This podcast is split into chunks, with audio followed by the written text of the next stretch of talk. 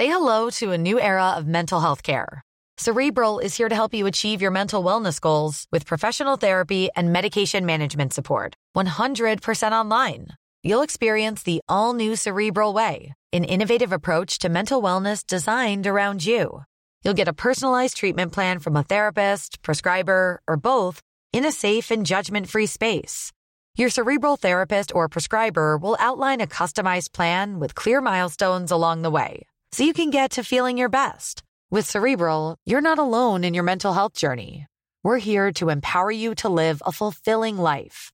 So take that first step towards a brighter future and sign up today at cerebral.com slash podcast and use code ACasts to get 15% off your first month. Offer only valid on monthly plans. Other exclusions may apply. Offer ends July 31st, 2024. See site for details. Spring? Is that you? Warmer temps mean new Allbirds styles. Meet the Superlight Collection, the lightest ever shoes from Allbirds, now in fresh colors. These must have travel shoes have a lighter than air feel and barely their fit that made them the most packable shoes ever. Plus, they're comfy right out of the box. That means more comfort and less baggage. Experience how Allbirds is redefining comfort. Visit allbirds.com and use code SUPER24 for a free pair of socks with a purchase of $48 or more. That's A L L B I R D S.com, code SUPER24.